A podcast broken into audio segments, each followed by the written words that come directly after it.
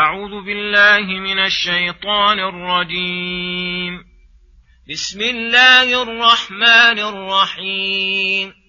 لا أقسم بيوم القيامة ولا أقسم بالنفس اللوامة. أيحسب الإنسان أن لن نجمع عظامه؟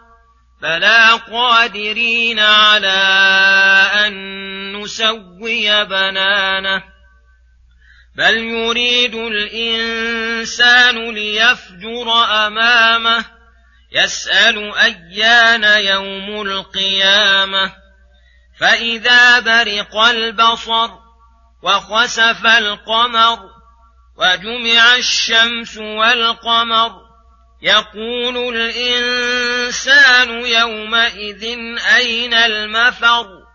كلا لا وزر.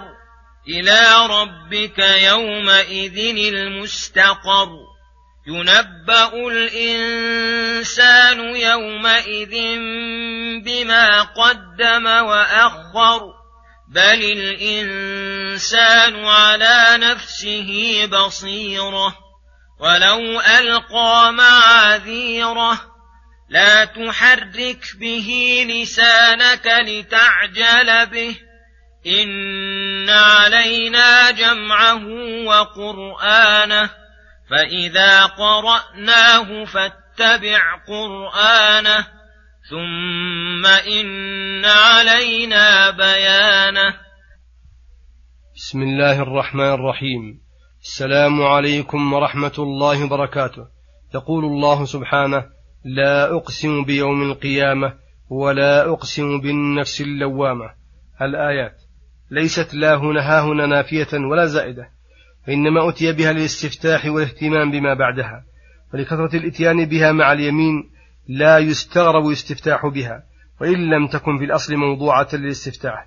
فالمقسم به في هذا الموضع هو المقسم عليه. وهو البعث بعد الموت وقيام الناس من قبورهم ثم وقوفهم ينتظرون ما يحكم بهم الرب عليهم. ولا أقسم بالنفس اللوامة وهي جميع النفوس الخيرة والفاجرة سميت لوامة لكثرة تلونها وترددها وعدم ثبوتها على حالة من أحوالها ولأنها عند الموت تلوم صاحبها على ما فعلت بل نفس المؤمن تلوم صاحبها في الدنيا على ما حصل منه من تفريط وتقصير. في حق من الحقوق أو غفلة. فجمع بين إقسام بالجزاء وعلى الجزاء وبين مستحق الجزاء. ثم أخبر مع هذا أن بعض المعاندين يكذبون بيوم القيامة. فقال أيحسب الإنسان أن لن نجمع عظامه بعد الموت كما قال قال من, قال من يحيي العظام وهي رميم. فاستبعد من جهله وعدوانه قدرة الله على خلق عظامه التي هي عماد البدن فرد عليه بقوله بلى قادرين على أن نسوي بنانه أي أطراف أصابعه وعظامه وذلك مستلزم لخلق جميع أجزاء البدن لأنه إذا وجدت الأنامل والبنان فقد تمت خلقة الجسد. وليس إنكاره لقدرة الله تعالى قصورا بالدليل الدال على ذلك وإنما وقع ذلك منه لأن إرادته وقصده التكذيب بما أمامه من البعث والفجور الكذب مع التعمد ثم ذكر أحوال القيامة فقال فإذا برق إلى قوله معاذيره. أي فإذا كانت القيامة برق البصر من الهول العظيم وشخص فلا يطرف كما قال تعالى إنما يؤخرهم ليوم تشخص فيه الأبصار مهطعين مقنعي رؤوسهم لا يرتد إليهم طرفهم وأفئدتهم هواء وخسف القمر أي ذهب نوره وسلطانه وجمع الشمس والقمر وهما لم يجتمعا منذ خلقهما الله تعالى فيجمع الله بينهما يوم القيامة ويخسف القمر وتكور الشمس ويقذفان في النار ليرى العباد أنهما عبدان مسخران وليرى من عبدهما أنهم كانوا كاذبين.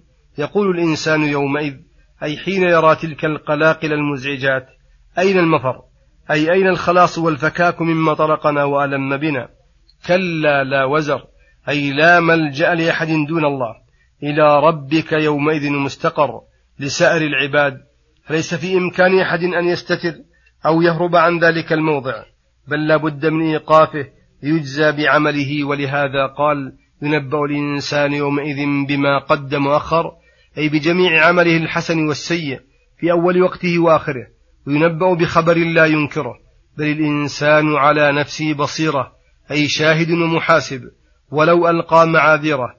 فإن معاذير فإنها معاذير لا تقبل بل يقر بعمله فيقر به كما قال تعالى اقرأ كتابك كفى بنفسك اليوم عليك حسيبا.